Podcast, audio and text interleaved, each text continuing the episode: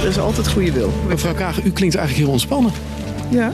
Het klinkt misschien niet zo, maar de sfeer in Den Haag is gespannen. Ja, dit is taai.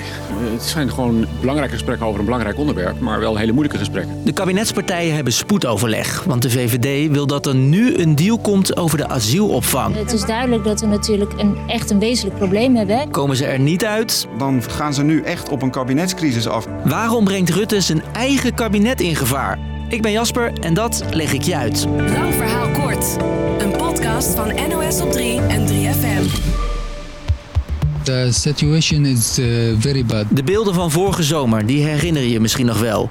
Asielzoekers slapen buiten op het gras in Ter Apel. This is so cold. De asielketen in ons land loopt vast. Vluchtelingen die hier aankomen kunnen bijna nergens terecht. En er moet iets veranderen, zegt bijvoorbeeld de staatssecretaris. Omdat ik gewoon echt oprecht vind dat we opvang in Nederland op orde moeten eh, krijgen. Het probleem volgens de VVD? Er komen te veel asielzoekers naar Nederland. Wat we kunnen doen is de asielstroom proberen zoveel mogelijk eh, zo te beperken. Dat je dat op een humane manier doet. Willen ze onder meer doen door gezinshereniging aan te pakken. Vluchtelingen die hier komen moeten dan langer wachten tot ze hun gezin ook over kunnen laten komen.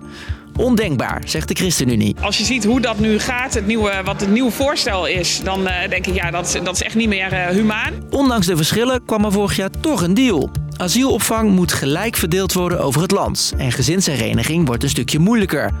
Maar leden van de VVD zijn nog niet tevreden. Omdat wij zien dat de instroom enorm toeneemt. En we willen ook los van deze wet, willen wij van onze partijleider horen wat het kabinet voornemens is om eraan te doen. En de afspraken voor gezinshereniging werden na de deal toch nog door de rechter van tafel geveegd. Die vond het in strijd met internationale afspraken. En dus was het kabinet weer terug bij af.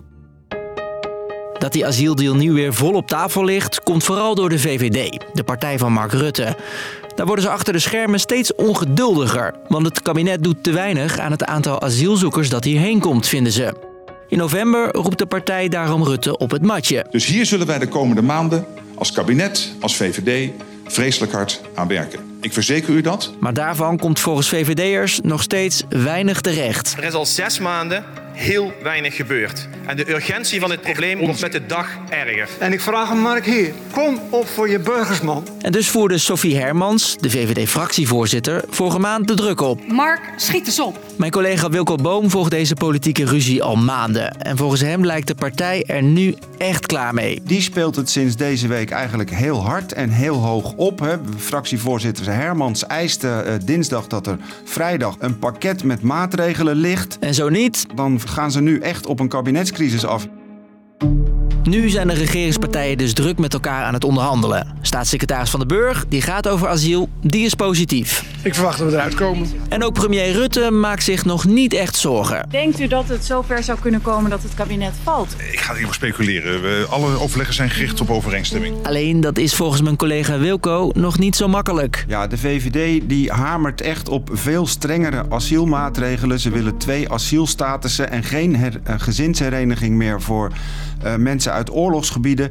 Nou, D66 en vooral de ChristenUnie vinden dat veel te ver gaan. Een eerste gesprek tussen de partijen leverde nog weinig op. Je hoort minister Schouten van de ChristenUnie. Nou, de, de gesprekken zijn nog gaande. En, eh, er zijn echt gesprekken op de inhoud en eh, die zijn nog niet afgerond. Maar veel tijd hebben ze niet meer, want de VVD voert de druk dus flink op. Achter de schermen hoorden we ook dat de VVD met Rutte voorop bereid is om zijn vierde kabinet op het spel te zetten. Of het echt zover komt, is afwachten.